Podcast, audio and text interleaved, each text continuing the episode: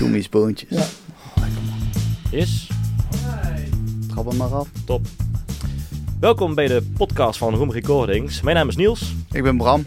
en we zitten hier vandaag in de studio samen met, ik ben hier links van me, Bob, Bobby G, Bob Geerlings. En Tassilo Piek. welkom bij ons eh, in de studio, ja, de, waar Bram eigenlijk eh, begonnen is. Hè? Ja, ja. Ja. Ja, heren, we hebben jullie uitgenodigd om eens eh, te babbelen over de muziekwereld. Want eh, ja, wij kennen eh, jullie al, we weten ook een beetje wat jullie doen. Maar de mensen die nu luisteren hebben echt misschien helemaal geen idee. Eh, Bob, ik wil bij jou beginnen. Wat doe je in de muziekwereld? Ehm Hip-hop. als, als het duizendpoot is in de breedste zin. Eh, ik ontwerp cover art. Eh, ik mix en master. vooral mijn eigen tracks, maar soms ook voor anderen. Ik produceer beats en verkoop die via, via internet. Ik ben zelf artiest onder de naam Bobby G. Eh, en ik werk bij Heads Up Management als eh, artist manager. Oké. Cool. En eh, je bent ook eh, cultuurcoach nu. Ja, ja. Wat, eh, wat houdt dat precies in? Nou, de hoofdzaak van het cultuurcoach zijn is het verbinden van mensen in de lokale cultuursector. Dus ik doe dat voor gemeente Venlo eh, namens eh Co, de cultuurontwikkelaar. Dat is het voormalige eh, kunstencentrum. Ehm, en ja, waarbij ik dan, wat ik het belangrijkste daarin vind in het verbinden, is dus echt kijken van, eh, nou, er is eigenlijk heel veel qua mogelijkheden lokaal.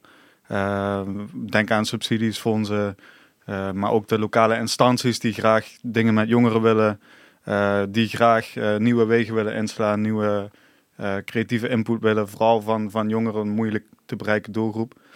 Um,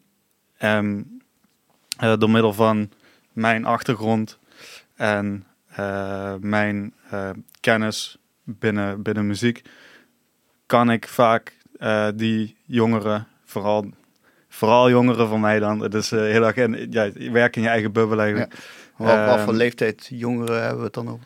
Uh, ja, eigenlijk alles tot en met uh, mijn eigen leeftijd, dus 24, 25. Ja. Dus, um, maar om die te verbinden aan die mogelijkheden en ook van op de hoogte te brengen van kijk, dit is er. Want voorheen wist ik dat ook ja, allemaal precies, niet. Precies, ja, echt informatie geven van nee, er is eigenlijk heel veel. Ja. En ik kan je daarbij helpen. Ja, en hoe pak je dat aan ook? Want van oké, okay, dan uh, als je 18 bent en je hebt nog nooit een plan geschreven ergens voor, dan is dat heel uh, overweldigend natuurlijk. Ja, ja zeker. zeker. Een stukje verbinden komen we zo terug, want ik heb hier ook nog iemand zitten, wij hebben hier iemand zitten, die ook uh, wel ver, ja, mensen verbinden eigenlijk. Zeg ik dat zo goed, Silo? Ja, dat zeg je helemaal goed. Ja. Zo, zo, zie ik me eigenlijk ook. Ja, vertel. Als, als verbinder. Ja. Wat doe je? Wat, ja, ik, ik, ik ben van origine gitarist. Ik heb dan eigenlijk ook eigenlijk alles wel gedaan. Voor wat ik wilde. Dus van de grote optredens tot album opnemen, tot lesgeven. Alles wat met betrekking met gitaar te maken heeft, heb ik al gedaan. Maar nu ik zelf kinderen heb, ben ik toch weer verder gaan zoeken naar diepere betekenis daarvan. Van muziek, wat muziek met je doet, waar het vandaan komt, wat het je kan opleveren.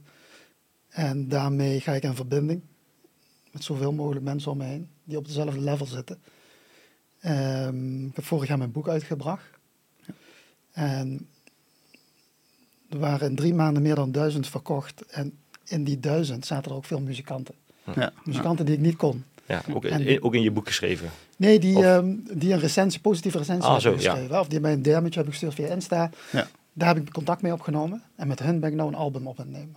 Vet. Oké. Okay. En de meeste kon ik nog niet. Ja, grappig. Dus dat, ja, zo wil ik dagelijks eigenlijk die verbinding ook maken, waar, waar jij het over hebt.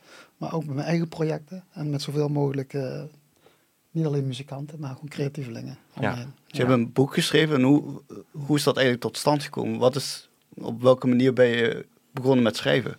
Uh, ik, ik, ik wou altijd al een boek uitbrengen, omdat ik van kinds af aan al schreef uh, en muziek maakte. Want dat was binnen de Molukse cultuur was niet normaal om te praten binnen een gezin.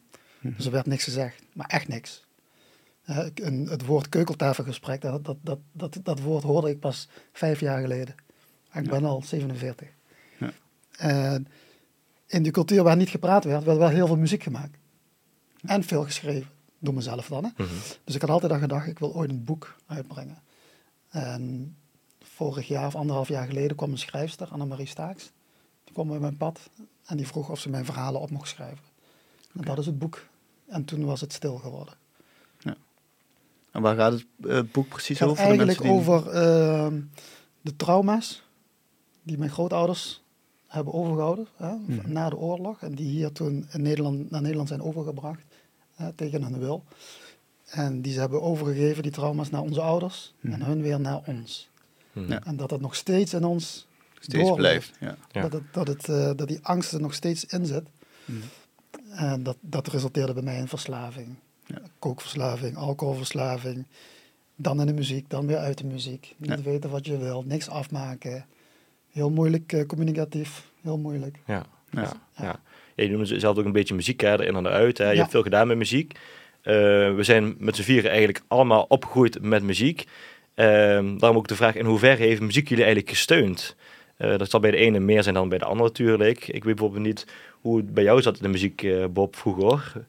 Ja, de eerste keer dat ik een eh, tekst schreef was het omdat ik heel boos was op de basisschool. Ja. Dus, dus Wat, dat- wat had je gedaan of wat hebben ze gedaan? Niks, ik kreeg gewoon straf of zo. Oh, ja. Eh, ja, dan werd er een soort frustratie, eh frustratierap. Maar Ja, ja. dus, eh, dat- waren de eerste dingen eigenlijk. Dus, ja. Was er ook is een moment dat je dacht van, hier ga ik mee verder? Of komt er Nou, later pas? ik weet niet, ik begon daar gewoon mee.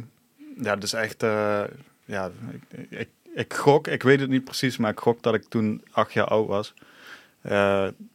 En ja, het was gewoon, ja, dan denk je daar ook niet over na. ja, ik, nee, ik, inderdaad. ik hoorde gewoon hip-hop en ik ging dat gewoon doen. En ik heb er nooit bij nagedacht van, oh, dit ga ik echt eh, achterna of zo. Dat kwam pas veel later. Ja. En ik heb toen wel, die tekst heb ik toen voor een, eh, een, eh, een, een vriendje gerapt op de basisschool. En toen zei hij van, ja, daar moet je echt mee doorgaan man, dat is echt heel tof. En die, Ja. dat, dat kan ik me wel nog heel helder herinneren, dat ja, moment. grappig eigenlijk dat zo'n kleine dingetjes eigenlijk toch wel bijblijven. Ja. Ik weet van mezelf bijvoorbeeld dat ik, dat ik nog in groep 6 voor het eerst en voor, voor de klas trompet speelde, zeg maar. Ja. Dus ik weet niet of jullie nog van zo'n eerste herinnering hebben. Jawel, dat heb ik zeker.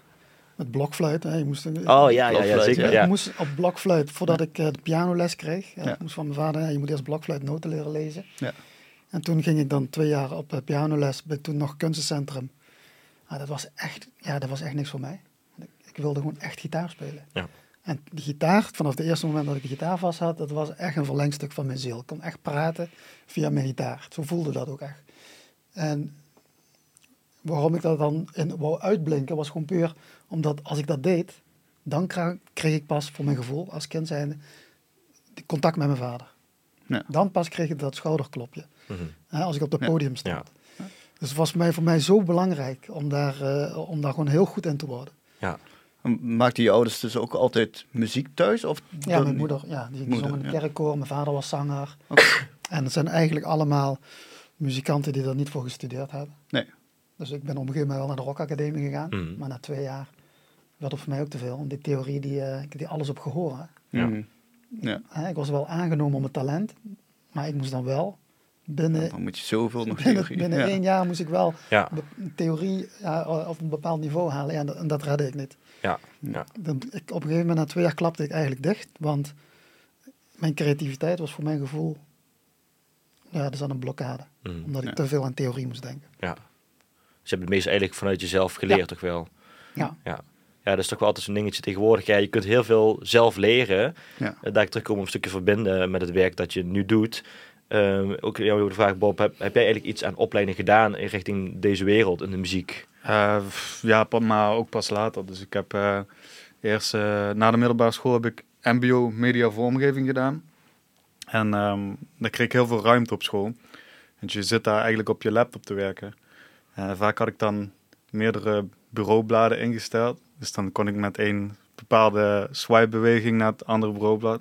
Ah, dan ja, zat ik ja. aan eentje zat ik aan beats te werken. eentje Ja, dat is. En als er dan iemand langs kwam, was het en dan eh, snel naar het andere bureaublad. Ja, precies. Dus ja. ja, ik, maar ik kreeg daar ook, ik werd daar ook gestimuleerd door leraren om eh, de opdrachten die ik daar kreeg naar vormgeving, om die voor mijzelf interessant te maken. Dus ja, ja van ga een logo maken, nou dan maak je een logo voor een label. Eh, Mhm. ja, precies. Cover arts maken, dat soort dingen. Gewoon echt van zoek dat bij jezelf. Ja. Eh, dus dat maakt het voor mij ook heel interessant. Maar echt muziek ben ik daarna pas gaan doen. Toen ben ik afgewezen voor de Rock Academie. Mhm. Eh, en toen ben ik naar Genk gegaan, naar een eh, audio engineering opleiding. Oké, Oké, ja. in Genk. Cool. Ja. Dus eh, toen, eh, ja, en dat was ook een hele fijne opleiding. Daar kreeg ik ook heel veel, heel veel ruimte. Dus uiteindelijk dacht ik van, oh, maar goed dat ik hier zit. En niet, niet op de Rock Academie. Omdat ik daar het eh, gevoel had dat ik totaal vrij was in wat ik wou maken. Mhm. En bij de Rock Academie was het een van de grootste punten wat ze bij mij hadden toen, was dat ik Engelstalig deed.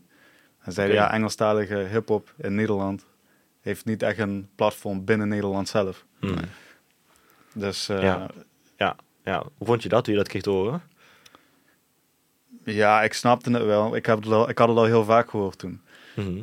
Eh, Maar eh, ja, ik maak nog steeds Engelstalige hip. Ja, ja, precies. Inderdaad. Je onlangs heb je ook een nieuwe single uitgebracht, zag Ja. ik. Ehm, maar ik kan me voorstellen wel dat je dan, als je iets doet in een andere taal en iemand zegt tegen je van, ja, dat gaat hier niet werken, of überhaupt met muziek iets, hè, dat mensen zeggen van, ja, moet je dat wel doen? En vooral op jongere leeftijd, ik weet niet hoe oud je was, maar dat kan best voor jongeren demotiverend zijn om in de muziek verder te Ja. gaan. Wa- Wat ze tegen mij zeiden was letterlijk van ja, het kan wel, maar dan moet je heel goed zijn. Maar ja, dat is nooit mijn inte- intentie geweest om iets anders dan heel goed te zijn. Ja. Nee, ik wil graag Ja, heel, ja, iedere ik artiest wil graag heel, goed zijn. Dus, Ja. dus, dus Ja. ik had zoiets van ja, oké, Ja, komt goed. Komt ja goed, zeker. Die instelling moet je inderdaad ook wel hebben. Inderdaad, ja. Ja. Ja. zeg je dat ook tegen andere mensen van, eh, die je tegenkomt? Ook al weet je van, ah, dit werk in de winkel of ja, Ja, ik, ik ben wel altijd eerlijk. Dus als, Ja. als, ook als er een rapper eh, is die, die, eh, waarvan ik eigenlijk heb van, oh, die is beter dan mij. Maar als ik een punch hoor in zijn track waarvan ik denk, oh, daar, daar Ja. kan die iets mee, dan ga ik dat ook zeggen. Want ik Ja. denk dat is het beste wat je kan doen voor iemand. ja zeker. absoluut, Want heel veel mensen zijn niet eerlijk en die zeggen gewoon, ja, tof man. En dan Ja, durven ze ja, eigenlijk niet te zeggen wat ze, wat, wat ze ervan vinden. tuurlijk. ja. Misschien is het wel heel stom wat, wat je hebt gemaakt. Hmm. Ja, als niemand dat tegen je zegt, ja, dan, dan ga je het dan uitbrengen en, en helemaal promoten. Ja. En dan vindt eigenlijk niemand het tof en niemand durft het te zeggen. Dus Ja. eh, ik zou liever hebben, ook eh, met mensen in mijn omgeving, heb ik bepaalde mensen die ik dingen laat luisteren en zo als ik eh, iets wil uitbrengen. Ja. En dan weet ik ook van, daar ga ik gewoon een eerlijke mening van krijgen. Ja, zeker. Als het, eh, als het echt niks is, dan, eh, dan zeggen ze dat gewoon. Ja. Eh, als ze puntjes horen, dan krijg ik die terug. Dus eh, Ja, ja, inderdaad. dat is Ja. echt wel belangrijk. hè. En je hebt dus eh, op je school dus ben je dus afgewezen. Dus eigenlijk een tegenslag in principe in je carrière. Eh Tassilo, heb jij wel eens zo'n tegenslag gehad? En hoe ga jij daarmee om als muzikant? Eh, kijk, die tegenslagen die zijn gewoon bedoeld om een andere deur weer open te doen. Want zo, zo zie ik het Ja, gewoon, zeker. Ja, de ene deur die gaat gewoon dicht, gewoon puur. Ja, dus die weg is voor jou niet, dat is jouw weg niet. Nee. Zo zie ik dat. Dus als er een tegenslag is, gebruik ik dat juist meteen van, oké, daar ben ik weer een helder moment. Dus, dus ik moet dus een andere weg op. Ja. En binnen korte tijd zul je al meteen zien welke weg dat is. Ja, ja Zo zie ik het is grappig dat je Ja. het zegt. Want ehm, voor, voor mij voelde dat toen, gek genoeg, niet zoals een tegenslag. Want ik dacht, Mhm. oh, ik moet hier echt toegelaten worden. Maar toen kreeg ik die, die, eh, die mail, die brief. Ja. En toen dacht ik, ja, oké. En ik, toen was ik een beetje verbaasd van mezelf dat ik er niet kapot van was. Ja, ja, ja. Ja. Ja. Werd, Ja, je- werd je precies dat. nog Ja. gemotiveerder om nog harder te werken? Of? Ja, dat ook. Ja. Ja. En een jaar later had ik meer streams dan de leraar die mij heeft afgewezen. Ja, ja, ja, ja, ja, ja, ja. Ja, is- maar dat, ja, dat is natuurlijk ja, een beetje petty. Maar Ja. Ja. Ja, maar goed, zo, zo kan het lopen. Ik bedoel, ja, ik, ik zelf heb mijn ervaring. Ik wou het consortium gaan doen met uh, jazz trompet, maar ik werd afgewezen bij de vooropleiding. Ja, en Ja. ik krijg mijn trompet eigenlijk amper aan, alleen met de carnaval. Maar dat is heel anders. Maar ja, aan de andere kant ben ik daar ook weer heel goed gegroeid, want ik doe nu hele andere dingen. En ik ben ik stiekem ook wel blij dat ik het niet heb gedaan. Ja. Dus als je dan erop terugkijkt, eh, zijn er bij jullie misschien dingen waar je denkt van, ja, eigenlijk wel goed dat ze gebeurd zijn. Ja. als ik, als ik eh, daar was toegelaten, was ik niet bij Heads Up terechtgekomen. Ja. Want ik, daardoor ben ik die engineering opleiding gaan doen, maar dat was mijn eenjarige. En ik moest vanuit thuis een hbo-opleiding, dus daarom wou ik ook de Rock Academie. Ja. Ehm, maar eh, toen heb ik de kortste hbo-opleiding die ik kon vinden gezocht. En dat was eh, co- eh, commercieel management in Sittard. Oké. En ik- Ja. toen heb ik mijn scriptie dus bij een artiestenmanagementbureau gedaan. Ah, en daar op die werk ik nu dus nog steeds. Ja. Ja. Kijk, Dus zo, Ja, ja, zeker. ja. Zo kan Ja. het ook zo, gaan. werkt hè. het, zo werkt dat eenmaal. En wat, wat doen jullie precies bij Heads Up allemaal? Voor Ja. artiesten. Ja. Artiestenmanagement. Nee, Ja. ja. dat is heel Ja, wat houdt Dus, wat eh, houdt het in als mensen niet weten wat artiestenmanagement is? hoe ik het uitleg aan mensen en aan eh, artiesten zelf ook, is dat als je naar een eh, standaard bedrijfsindeling kijkt, dan heb je een eigenaar of CEO. Daaronder zit een middenmanagementlaag. Dus om even als voorbeeld te gebruiken, een, een supermarkt. Je hebt de eigenaar van de supermarkt. Dan heb je een winkelmanager, dat zijn wij als Ja. management. En de eigenaar van de supermarkt is de artiest zelf. Maar dan heb je ook de eh, vakkenvullers en de eh, mensen aan de balie eh, en aan de kassa. En dat is weer de artiest zelf. Ja. En dat is waar vaak de knik ligt, denk ik. De visie moet vanuit de artiest komen. Ja. Dan heb je management daar om dat in de juiste banen te leiden en om op de goede manier door te communiceren naar uitvoerders. Maar een van die uitvoerders ben je als artiest ook weer zelf. Ja. En andere uitvoerders zijn bijvoorbeeld ehm, eh, booking agents, eh, vormgevers, videografen, Hmm. producers, alles wat er nog verder bij komt kijken. Ja. Ja. Maar een van die ben je ook als artiest zelf. En ik denk dat vaak artiesten denken als ze bij management komen van, ah, nu wordt het voor mij geregeld, want ik heb nu een manager. Ja, precies. Ja. Maar de visie moet toch vanuit Ja. jou zelf komen. Ja. Ja, Silo, heb jij wel eens een, een, een manager gehad in de muziek? En Ehm, hoe was jouw ervaring daarbij? Nou, we, hebben- we, hebben wel een keer, we waren wel een keer gecontracteerd. Dus Ja. Who's Next Records van Ja. Rob Donselaar. Uit, Oh ja. eh, eh, waar, waar, waar- waar- waar komt weer vandaan?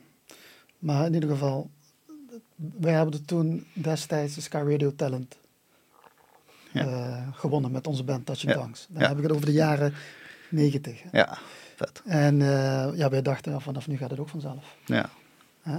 En het te gekke studio, studio Zeezicht hadden we opgenomen. Oké. En eh, dat was dus die, die, die eigenaar van die studio. Hij was dus ook de, de record eh, label eigenaar, zeg maar. oké. Ja. Ja. En we kwamen in de top 100 terecht. Ja. Eh, op eigen kracht. En daar hield het eigenlijk verder ook op. Want jullie hebben wel, Alles zelf doen. ja, jullie hebben wel nog best wel een flinke tour gedaan met de band. Ja. Me- meer in de- door Nederland verder. Ja. En we zijn ook nog, we hebben nog een uitstapje gehad naar Amerika toe. Ja. Eh, States. de States. States. Dat is ook wel te gek. Maar ja, als je op een gegeven moment daar staat, of hier in de poppodium Porn 55 destijds, ja, er was geen verschil. Nee, precies. Ja, maar over de ervaring om Ja, daar in Amerika te zijn natuurlijk. Ja. Met de dat hele hebben jullie ook allemaal zelf geregeld dan? Of eh, zat er dan wel nog een boekingsbureau Nee, achter? hebben we- eigenlijk hebben we alles die 12 jaar hebben we eigenlijk altijd alles zelf geregeld. Zo, knap hoor. Ja. Ja. altijd alles zelf geregeld. Ja. Dus jullie hadden eigenlijk geen eh, management, oftewel verbinder eh, nodig daarbij. En voor Facebook en Insta Ja, Ja. dat stond voor er allemaal nog niet. Hè? Dat Ja. was echt letterlijk cassettebandjes Ja. eh, of, ze- en daarna cd's. eh, en een envelopje opsturen naar festivals, stapels cd's opsturen, opsturen en maar hopen dat je, dat je een telefoontje krijgt Ja. Ja. of een mail. Ja, vet, vet. Ik kan me niet voorstellen hoe dat eh is om te zeggen, maar Ja. het lijkt me wel echt een hele vette ervaring. Ja. Ja, nu eh, geen eh, grote tour meer naar de States toe, maar eh, heel ander werk dat je doet. Ja. Ik heb begrepen dat je, jij ook dus nu eigenlijk een beetje een verbinder bent geweest op een soort van makerskamp, waar Bob dus ook bij aanwezig was. Ik ben even de naam kwijt van het makerskamp, hoe heet het ook weer? De breakout sessions. Breakout, Breakout, Sessions. klopt, ik heb het wel voorbij zien komen op eh, Instagram en alles. ja, zeker. Ehm, maar eh, ja, v- vertel, wat was het precies? Als je ons als leek moet meenemen in die dag. Nou, in ieder geval, waar ze mij voor hadden gevraagd, was om ehm, als de zangers en zangeressen, ehm, zodra die klaar waren, bijvoorbeeld in, bij de jongens in de studio, bij de producers, of ik dan met hun akoestisch muziek wilde maken. Dus ik had mijn gitaar meegenomen en dan gewoon even lekker jammen, even lekker alles eruit gooien. Ja. Ja. En dat was mijn, dat was mijn taak. Ja. Ja. De, meeste men- de meeste jongeren die er zaten zijn wel echt eh, elektronisch eh, gebaseerd en maken heel veel elektronische Ja. muziek, toch? Ja. En er waren ook natuurlijk zangers en zangeressen bij. Ja. Ja. En ehm, nou, ik kwam daar ook maar voor een halve dag. Ja. Of één dag eigenlijk. Maar, maar hun zijn daar volgens mij een week of vijf dagen Ja. gebleven. Oké, Was oh, een dat was wel best wel een flink, eh project dus. Dat was echt Ja. gek. En een grote groep. Ehm, zelf heb ik daar eh één contact echt aan overgehouden. En haar heb ik ook uitgenodigd op mijn album. Oh, vet. Lizzie. Ja. Lizzie, eh wat is haar artiestennaam? Catharina? Eh Kath Marcella. Kath, Kath Marcella, ja. Ja. Cool. Zij gaat dus zingen op, eh, op een album. En ja, haar, haar heb ik dus ontmoet eh, tijdens de breakout sessions. Ja. En heb ik meteen een kans geboden om op mijn album ook te zingen. Ja. Ja, vet. En dat, ge- ja, dat hebben we, die opnames hebben we ook al achter de rug. Oké. Ja. En eh, dat was wel te gek. Wanneer komt dat uit? Ja. Wanneer, Wanneer is eh, het, eh, 1 november. Vorig jaar 1 november kwam een boek uit. Ja. Op de sterfdag van mijn moeder. Ja. Dit jaar ook weer op 1 november komt het album uit. Oké. Ja. Kijk eens aan. Dus eh, dat kunnen we verwachten. Ja. Ja, nice. En hoe was dat voor jou dan een hele week? Want jij was er maar een half uur Ja, te zien, of een halve dag zo. Een halve dag. Halve dag. Jij bent er vijf dagen geweest. Ja, ja vijf dagen is best lang voor, eh voor zo'n je- ja, je merkt wel dat je de meeste productiviteit zit in die eerste drie dagen. En dan is het een beetje, dan begin ja, dat is een beetje alsof je tank leeg is, zeg maar. Ja. En dan moet je wat, wat meer eh, ja, aan, aan eh, Ja. drijven, zeg maar. Ja. Heel, heel even terug, Bob. Ehm, vijf dagen. ehm, wat is het precies? Neem ons heel even kort stap voor stap mee wat eigenlijk gedaan wordt in, zo'n week. Ja, dit was echt een eh, super gestructureerd schrijverskamp. En ja, dat is echt dank aan Samir Aitmo van Moxie. Mhm. Die heeft daar de structuur ook echt aangebracht en ook echt eh, in de gaten gehouden. Dus ehm, de dagen zagen er dus eh, heel strak uit. Dus je ging eh, om negen uur stond je op. Dan was er gezamenlijk ontbijt. En dan was de eerste studiosessie tot een uur of één. St- Sessies duurden meestal drie uur. Eh, dan had hij groepjes al ingedeeld. Dus je zat ook de hele tijd met andere producers die je misschien nog niet kende. En dan was het steeds twee producers, één vocalist, dus een rapper of eh, Ja. zanger, zangeres. En ehm, eh, ja, dan lunch, weer een sessie van drie uur. Avondeten, weer een sessie van drie uur. Eh, en daarna... eh, Was er ook nog tijd om even te ontspannen? Of... Nee. Nee? weinig. waarschijnlijk is dit ook ontspanning natuurlijk. Ja, ja, ja, is het ook. Maar dus na drie dagen of zo, dan, dan, dan, begint het wel, dan begin je het wel te voelen van... boy, je bent wel echt de hele tijd met je brein actief bezig, zeg Ja, maar. Je, ja. bent, je staat de hele tijd aan. En het ontspannen, dat was dus eigenlijk pas na eh 12 uur s'nachts. Of eh, s ochtends als je eerder opstond. Ja. En ehm, eh, want na die laatste avondsessie, dan eh, werd er nog eens alle muziek van die dag werd verzameld in een Dropbox. En dan gingen we met z'n allen in de woonka- woonkamer zitten. En dan eh, speelden we alle tracks af die die dag gemaakt zijn. Oké, En dat waren elke dag wel bijna, ja, bijna 20 tracks of zo. Dus Zo, eh, ja. Ja. Zo, dat is inderdaad veel. Ja. ja, daar werd echt heel veel eh, eruit geknald. Ja. Is er verder voor jou nog iets ontstaan, een samenwerking daar? Of eh, Ehm, connecties, bepaalde connecties die je... eh, Ja, ik heb er veel jongens leren kennen. Ja. Het was voor mij heel erg een. eh, het was voor mij de hele tijd uitstapjes buiten mijn eigen genre. ja, ja. Dat de producers kwamen eigenlijk allemaal uit de dance scene. Ehm, nou heb ik daar wel wel vaker mee gewerkt, zeg maar, als rapper. Maar dan sta je meer in dienst van eh, wat de producer nodig heeft. Eh, dan bijvoorbeeld dat je ja, een, een hip-hop plaat gaat maken. Dan is het een beetje andersom. Zeg Ja. maar. Dan staat de producer meer in dienst van wat je als rapper nodig hebt. Oké, ja. En ehm, ja, daar, ja, in dance wordt natuurlijk de productie draagt de, de track. Ehm, dus, dus dat was voor mij wel een uitdaging om steeds iets nieuws te verzinnen, zeg maar. Eh, Ja. Ook omdat je binnen die dance weer zoveel stroming had. En er zat van elke stroming wel iemand daar. Dus de techno, eh, eh, house, bass house, future house. Het zijn allemaal verschillende dingen. Ja. Dat wist ik van tevoren ook niet echt. Dus, Verrassing voor jou. Ja, Ja. Ja, tof. Dus dat is eigenlijk vooral eh, een stukje verbinding is daarin heel be- belangrijk. En eigenlijk wat jullie vooral voornamelijk nu ook gewoon doen. Als ik het zo goed heb. Ja. Ehm, ik ben eigenlijk wel benieuwd, ehm, als het gaat om verbinden. Wat is hetgeen dat het jou zo aantrekt om, om met mensen muziek te maken? En vooral zeg maar met misschien mensen die door ervaring erin hebben, Tussilo. Waar ik nu in sta, want, dat is ook de reden waarom ik ontslag heb genomen bij mijn werk eh, een paar maanden geleden, is dat ik gewoon eh, mijn ervaring wil doorgeven. Hè? En mijn ervaring op het gebied van trauma, eh, verslaving, maar wat muziek ook met mij heeft gedaan. Muziek heeft me elke keer een reddingsboei toe, toegeworpen, want dat is in mijn geval. En toen ik verslaafd was aan cocaïne bijvoorbeeld, als ik dan thuis kwam, ik had gewoon een gezin vier kinderen en vrouw, niemand wist wat vanaf. Ja. Dan ging ik muziek maken uit schaamte. En dan nam ik dat dan op. En toen dacht ik van, deze nummers, die zijn zo mooi, maar ik ben nou eigenlijk onder invloed.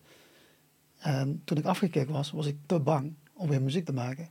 Want ik dacht van, ik kan nooit meer zo mooi schrijven. Dacht ik. Mhm. Dus dat heeft ehm, elke keer weer, en dan kwam ik toch weer terug op de muziek Mhm. elke keer weer trok muziek mij weer eigenlijk, liet weer muziek liet mij weer zien van nee, jij moet muziek gaan maken. Ja. En die shit, ja, dat, heb je al, dat is allemaal geweest, dat, dat, dat moest je gewoon overkomen. de ene tegenslag naar de andere, maar dat heeft mij ook sterker gemaakt. En wat we net zeiden, die tegenslagen zijn bedoeld om weer op een nieuw level te komen. Het boek is daaruit ontstaan, het album nu. Ja. Nu zitten we Ja. hier. Ja.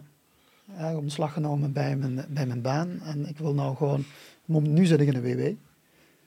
Maar ik wil opleiding ervaringsdeskundige doen om dan dit verhaal over te brengen. En weer mensen te verbinden.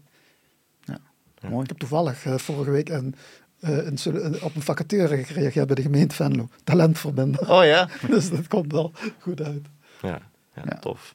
Nice. Ehm, toekomstplannen? Kunnen we jullie ergens binnenkort zien als het gaat om het eh, verbinden van mensen? Eh, misschien zelf met de muziek, nog iets? Ja, mensen kunnen mij altijd eh berichtjes sturen op social media of zo voor, eh, voor, voor de dingen als eh, cultuurcoach, maar ook met muziek. Als ze, iets, eh, als ze vragen hebben ergens over of zo, dan eh, sta ik er altijd voor open natuurlijk. Ja. Kijken hoe ik iemand kan helpen. Komt er nog eh, nieuwe muziek voor jezelf aan? Ja, Ben ik je heb eh, toevallig gisteren even wat dingen op een rijtje gezet, wat nieuwe plannen gemaakt. Oh, Omdat cool. ik eh, een beetje in een weer was dat met, met muziek. Dus eh, ja, er komt zeker wat aan. Ik heb nog een paar singles liggen. Ik heb nog een paar projecten liggen.